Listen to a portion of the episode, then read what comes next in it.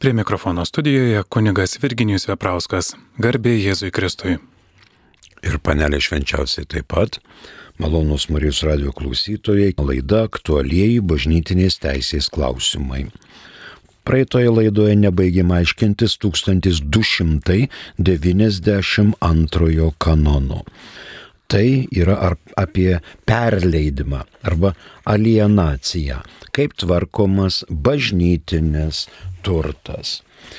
Pasiaiškinome ir iliustraciją 116 kanoną, dabar liko peržiūrėti 325 kanoną. Štai jisai. Privati Kristaus tikinčiųjų asociacija pagal statuto nuostatas laisvai administruoja turimas gerybės, liekant nepažeistai kompetentingos bažnytinios valdžios teisiai prižiūrėti, kad gerybės būtų naudojamos asociacijos tikslams. Antrasis. Ji paklūsta vietos ordinaro valdžiai pagal 1301 kanono normą tiek, kiek yra susijusi su pamaldiems tikslams dovanotų ar paliktų gerybių administravimu ir panaudojimu. Taigi, 1292. Čia kartais turime ir ypatingus atvejus. Jei turtas, kaip minėjome, dalomas ir šitą dalomo turto charakterį nuslepia pateikdamas svarstymų dėl leidimo turto valdytojas. Tada leidimas negalioja. Turi būti pateikta visa informacija, kad nebūtų išvengta kanoninės kontrolės. Kanoninė kontrolė privalo būti visada. Dar viena mintis turi būti abu konsultaciniai organai pakviesti į darbą ir abiems konsultaciniams organams, tiek konsultorių tarybai, tiek ekonominių reikalų tarybai turi būti pateikiama arba informuojama viskas apie tą turtą, kurio prašoma alienuoti arba perleisti. Ir kitas dalykas - alienacija arba perleidimas be atitinkamų leidimo užtraukia kanoninę bausmę. Ateina į pagalbą 1377 kanonas. Tas, kuris be nustatyto leidimo perleidžia bažnytinės gerybės, turi būti baudžiamas teisinga bausme. Na pagaliau 1292 pabaigėme. Rytų kanonuose atitikmenys yra 1036, 1037, 1038 ir 271 kanonas. Taigi 1292 fiksuojame. Keturi paragrafai. Liekant galioti 638 trečio paragrafo nuostatai, kuomet perleidžiamų gerybių vertė yra tarp mažiausios ir didžiausios sumos nustatytinos viskupų konferencijos savo regionui, kompetentinga valdžia, jei kalbama apie juridinius asmenis, nepavaldžius diecezniam vyskupui, nurodoma savuose statutuose. Kitais atvejais kompetentinga valdžia yra vyskupas sutinkant ekonominių reikalų tarybai bei konsultorių kolegijai ir suinteresuotiems asmenims. Taip pat jų sutikimo reikia pačiam diecezniam vyskupui, perleidžiant vyskupijos gerybės. Antrasis. Tačiau jei kalbama apie daiktus, kurių vertė viršyje nustatyta didžiausia suma, arba apie įžadinius dovanojimus bažnyčiai, arba meninės ar istorinės vertybės, galiojančiam perleidimui dar reikalaujama šventojo sosto leidimo. Trečiasis. Jei perleidžiamas daiktas yra dalus, prašant leidimo jį perleisti, turi būti nurodytos prieš tai perleistos dalys. Kitaip leidimas yra negaliojantis. Na ir ketvirtas. Tie, kurie duodami patarimą ar sutikimą privalo dalyvauti gerybių perleidime, neturi duoti patarimo ar sutikimo, jei prieš tai nebuvo išsamei susipažinę tiek su ekonominė juridinio asmens, kurio gerybės siūloma perleisti padėtimi, tiek su jau padarytais perleidimais. Turbūt turime žinutę, prašom. Taip klausytoja klausia, kada skaitosi, jog meldiesi nepagarbos kūno laikysenos ir ar padariau nuodėmę, kai nenorėdama savo kalbą sunervinau artimą. Taip, tai yra, aišku, aktuolus bažnytinės teisės klausimas. Dabar kokia yra kūno laikysena pagarbi ir kokia kūno laikysena yra nepagarbi. Šventų mišių metu yra pagarbi kūno laikysena yra laikas stovėti, yra laikas sėdėti, yra laikas klūpoti. Lietuvoje pagal vyskupų konferencijos nuostatas šventųjų mišių metu klūpoma du kartus. Tai prieš pakilėjimą, kai sukalbame šventas šventas, šventas viešpats galybių dievas ir taip toliau. Klaupiamės iki tėvę mūsų maldos. Tai vienas klūpėjimo variantas, antras per tas pačias mišės klūpėjimo variantas yra per štai Dievo avinėlis, kuris naikina pasaulio nuodėmės. Šiuo metu taip pat klūpome. Aišku, ateina žmonių, kurie E, nelabai orientuojasi. Gal kito tikėjimo, gal seniau buvę bažnyčioje nėra įpratimo, tai tada tegul pasidairo į kitus žmonės, kurie priima tam tikrą laikyseną, kada stovi, kada sėdi, kada klūpo. Tai liečia sveikus žmonės. Dabar pagarbi kūno laikysena. Jeigu ligoninė, palata, kodėl aš negaliu gulėdamas melstis. Galiu, tai yra labai pagarbi kūno laikysena - gulėjimas. Vykdo man operaciją. Kodėl aš negaliu melstis gulėdamas, bendraudamas su chirurgu? Dabar sako, tu čia užsičiaupk, mes darysim operaciją, o tu užsim savais reikalais. Tai gali savo užsimti savais reikalais ir melstis mintimis. Gali melstis, kūno laikysena. Dabar traukiniu važiuoju, sėdžiu. Kodėl aš negaliu melstis automobiliu važiuodamas, skrisdamas lėktuvu? Tai yra kūno laikysena. Nepagarbios kūno laikysenos maldos atžvilgių nėra. Viskas daroma pagal, pagal aplinkybės ir pagal mūsų sveikados būklę. Su amputuota koja žmogus ne visuomet atsiklaups. Jis tada stovi arba sėdi. Pagarbi kūno laikysena. Dabar antra dalis klausimo, ar padariau nuodėmės, kai nenorėdama savo kalbą sunervinau artimą. Vėl labai relatyvu. Dėl ko?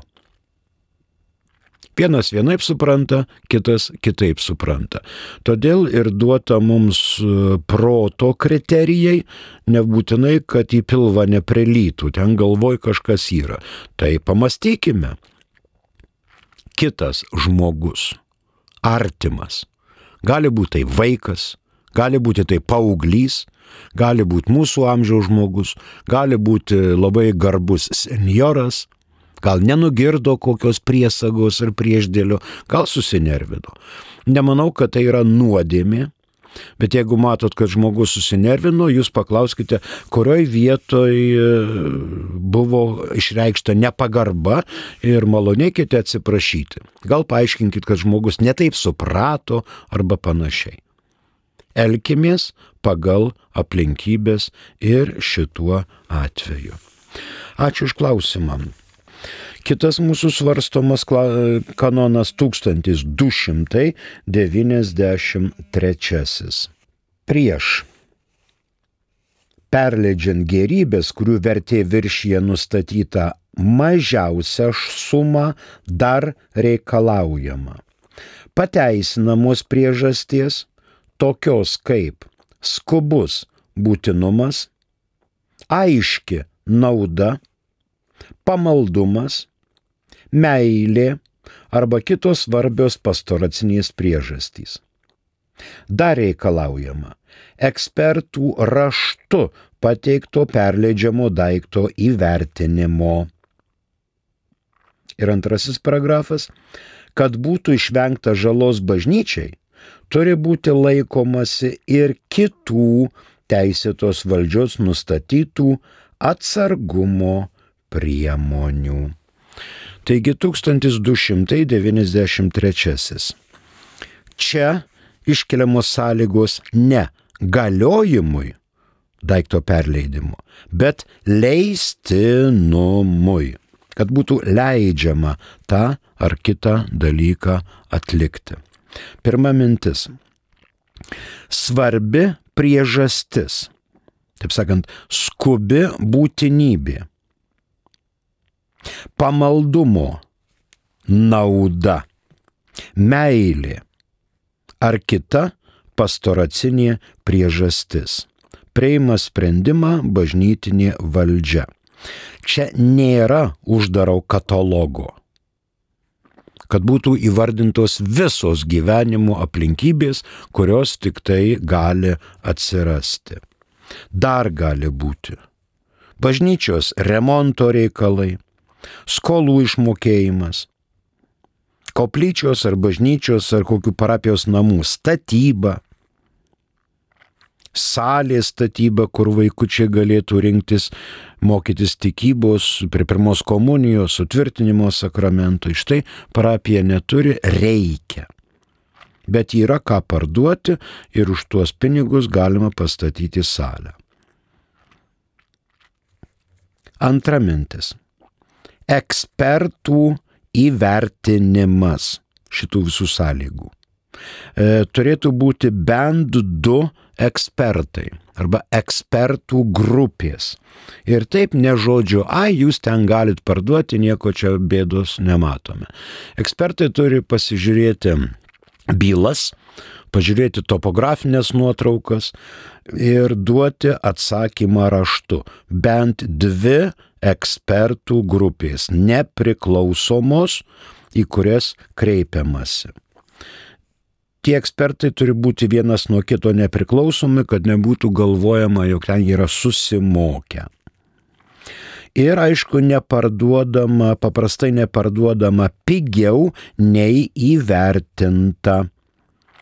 Kaštai nustatomi pagal rinkos kainas pagal galimybės, žinoma, įvertina ir civilinė valdžia. Ypatingai Lietuvoje, kur esame jau, žinoma, Europos Sąjungos glėbyje. Pašvesto gyvenimo institutai ir apaštališkojo gyvenimo draugijos remiasi savo galimybėmis ir gali būti kitos atsargumo priemonės. pavyzdžiui, viešieji pirkimai, parapijos ekonominių reikalų tarybos sutikimas arba panašiai. Jei, pavyzdžiui, vienuolynas ar pašvesto gyvenimo institutas tu nori perleisti gerybės vyskupui. Arba net net nori, bet vyskupas sužinoja, sako, mes mielai pirksim jūsų pastatus. Kam jūs kreipiatės į civilinę valdžią ar į kitus. Tada vienuolinas sutinka ir ruošiamas sandoris. Vyskupas nori ten įsteigti, tarkim, senelių namus ar dar ką nors. Prašau, tai yra žinoma galima. Dabar atsargumo priemonės.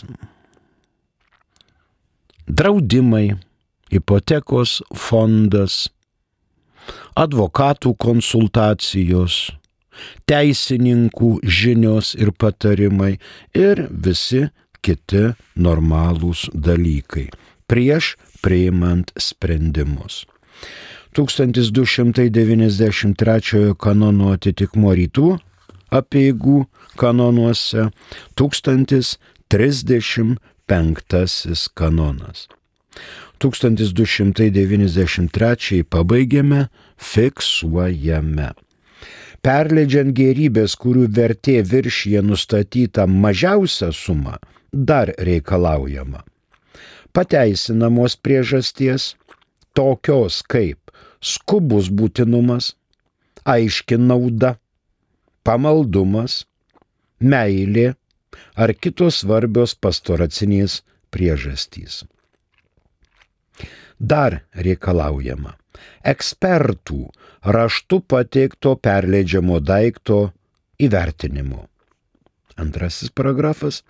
Kad būtų išvengta žalos bažnyčiai, turi būti laikomasi ir kitų teisėtos valdžios nustatytų atsargumo priemonių.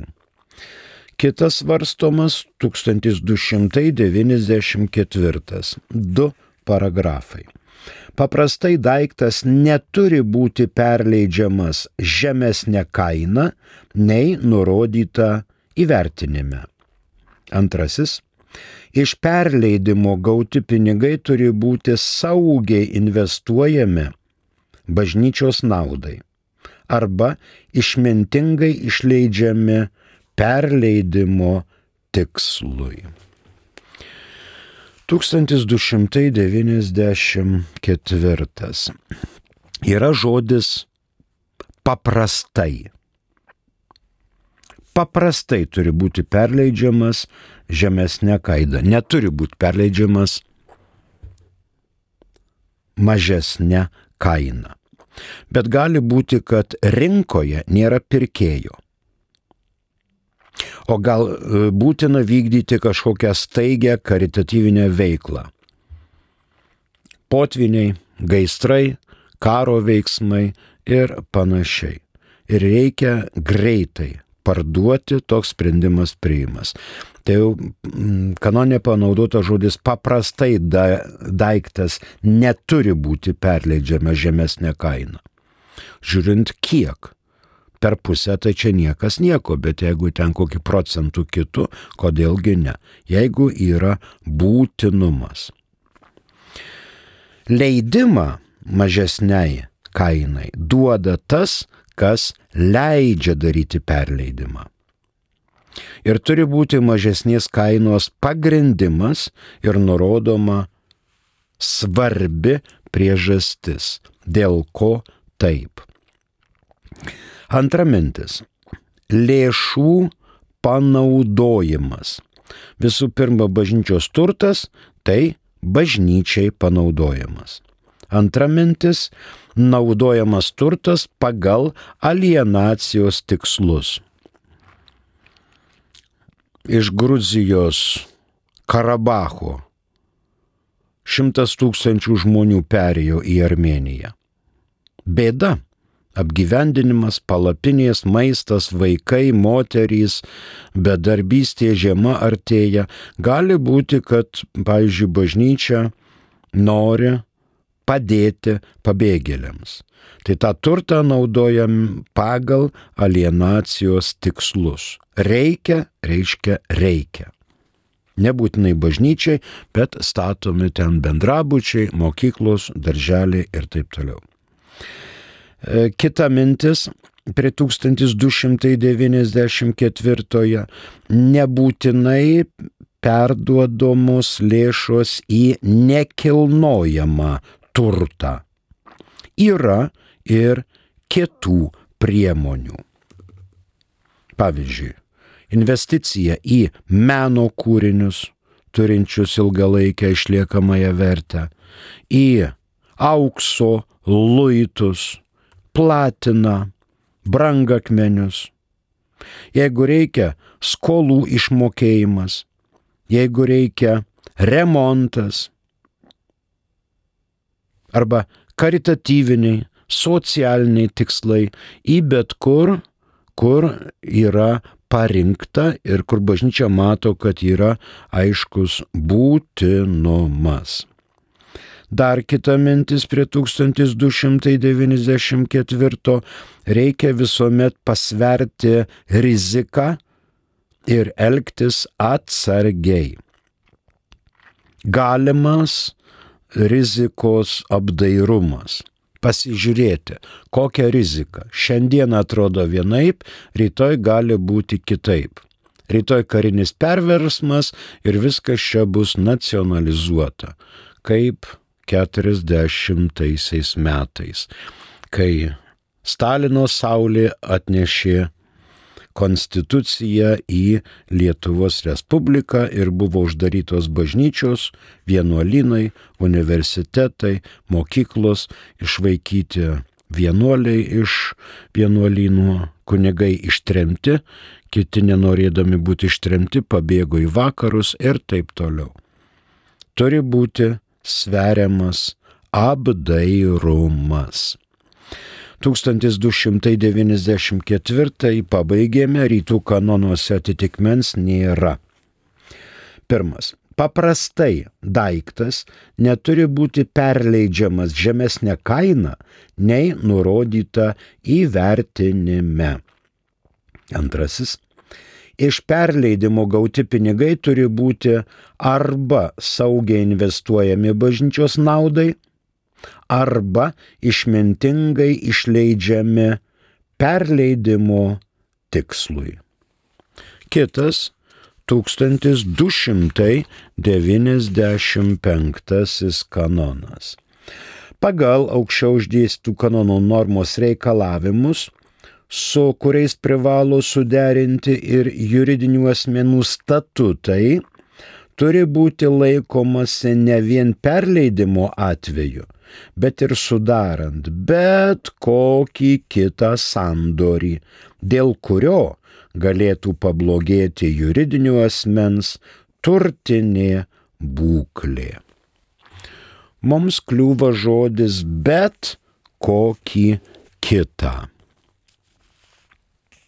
bet kokį kitą. Sandorį, bet kokį kitą. 1917 m. kanonų teisės kodekse tą įvardino 1533 kanonas. Ir ten buvo parašyta ne bet kokį kitą sandorį, bet tai buvo sutartys. Nebuvo nuostatos pabloginimas pabloginimas turtinės padėties, bet bet kokia teisinė veikla, kuri keičia juridinio asmens turtinę padėtį. Mums gali dar ateiti į pagalbą 638 kanono trečias paragrafas. 638 trečias paragrafas. Perleidimo ar bet kokio kito juridinio sandorio, dėl kurio juridinio asmens turtinė situacija galėtų pablogėti galiojimui, reikalingas kompetentingo vyresniojo gavusio savo tarybos sutikimą raštiškas leidimas. Tačiau, jei kalbama apie sandorį viršijantį šventos sostų atskiram regionui nustatytą sumą ir įžadinius dovanojimus bažnyčiai, arba meninės ar istorinės vertybės, bet to dar reikalingas ir paties šventojo sosto leidimas. Čia dar kartą buvo pavardotas kanonuose žodžius, bet kokio kito juridinio sandorio. Šitas kanonas 638 prie pašvesto gyvenimo institutų ir apaštališkojo gyvenimo draugijų. Tai va dabar, kad nebūtų pabloginta juridinio asmens padėtis. 1983 m. kanono teisės kodeksas aiškiai įvardina ne bet kokią sutartį, bet dėl juridinio asmens turtinės padėties bloginimo. Tai yra turbūt kokie trys dalykai. Vienas dalykas - perleidimas, antras dalykas - pardavimas o trečias dalykas - nuoma. Kai vykdomi šitie dalykai, ypatingas dėmesys yra turto garantijai. Antra mintis prie 1295. Tiek plačia, tiek siaura prasme dėl turto pabloginimo. Ta mintis buvo ir praeitam 17 metų kanonų kodekse ir šiame 1983 metais patvirtintame kanonų teisės kodekse. Dėl turtinės būklės pabloginimo. Kita mintis ne vien dėl perleidimo atveju, bet ir bet koks kitas sandoris. Jeigu blogina turtinę juridinio asmens padėtį.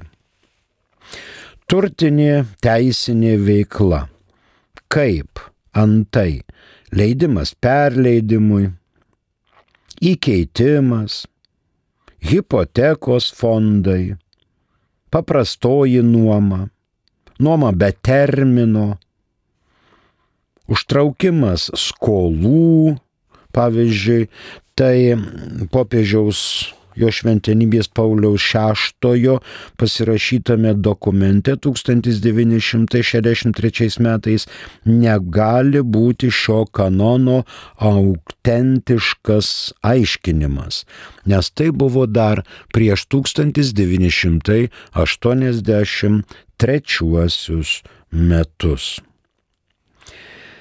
Dabar aiškinimas yra taip pat turtinės padėties pabloginimas, tai skolų sitraukimas, įkeitimas hipotekai, pavyzdžiui, turimo turto atsisakymas valdyti, tai irgi užtraukia blogumą bažnytinio juridinio asmens naudai. Pavyzdžiui, asmenys atsisako turtą valdyti. Tai jau pabloginimas.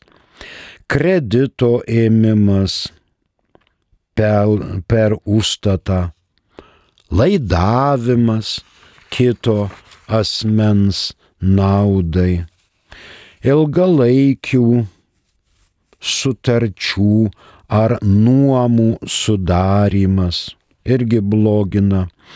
Taip pat iki minimumo pagal vyskupų konferencijos nuostatus, iki minimalios leistinos sumos įsigijimas arba bažnytinio gėrio perdavimas. E, taip pat tam tikrų valdymo formų pakeitimas, pavyzdžiui, į akcijas, į kilnojamą, nekilnojamą turtą irgi yra bloginimas.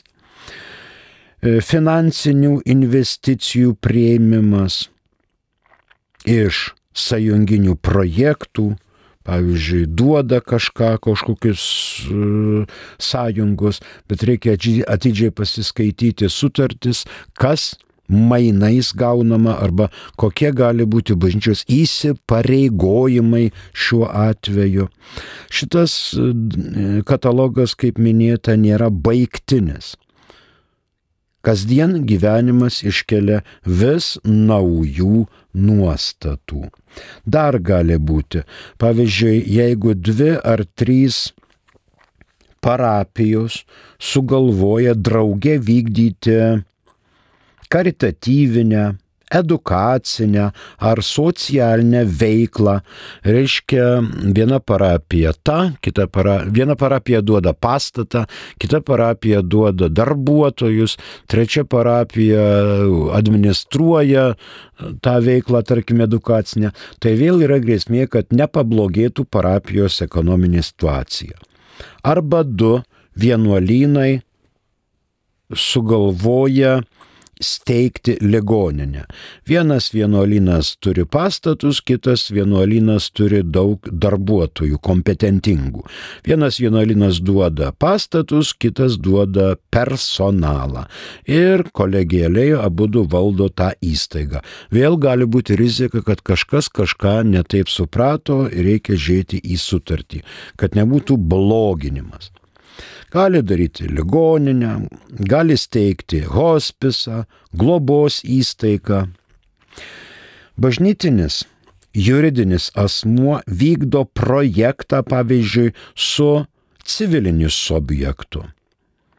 Tarkim, socialinėme draudime Vilniaus centre bažnyčia turi pastatą, o valstybė neturi socialinio draudimo įstaigos arba kontoros. Sako, išnuomokit pastatą ten 10, 15 ar 20 metų ir mes nuomą sutartį jums mokėsim, o čia mūsų darbuotojai dirbs ir priminės gyventojus. Prašau, darom sutartį, mokat draudimą ir taip toliau. Vėl reikia žiūrėti, kad nebūtų pabloginta situacija kai bažnytinis turtas, dar viena situacija, investuojamas į civilinio kapitalo rinką. Iš principo tai nėra nieko blogo, bet reikia pasidairyti, kokios yra rinkos prognozijas, infliacijos prognozijas ir kiti turėtų būti saugikliai uždedami. Iš principo reikia stebėti, ar bus apsaugot, ar neprarasim to kapitalo iš bažnyčios pusės ir taip toliau. Ar neprarasime nuosavybės teisės, ar neprarasime kontrolės dėl to turto, ar neprarasime finansavimo patronato. Na ir dar viena mintis. Pagal 117 kanoną juridinių asmenių tampama per kompetentingos valdžios pripažinimą. Pripažinimas teikiamas draugė su statutu. Statutuose privalo būti apibriešta veikla dėl galimo turto pabloginimo. Kokį turtą valdo juridinis asmuo ir kokios grėsmės dėl šio turto praradimo arba kažkokio tai kito, kitos netekties to turto. Statutai turėtų būti atskiri kiekvienam juridiniam asmeniui. Statutų nepainiojame su viskupijos ar viskupų konferencijos tame krašte sinodo nutarimais. Tai yra sinodo nutarimai, o tai yra statutai, kuriuose turi būti apibrėžiama viskas dėl turto pabloginimo. Mūsų paminėta 117 kanonas.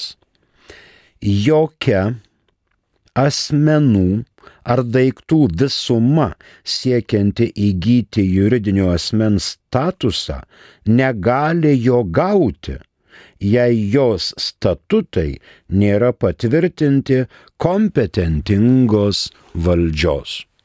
O kompetentinga valdžia žiūri ir svarsto. Ir galų gale patvirtina juridiniam asmeniui tam tikrus statutus.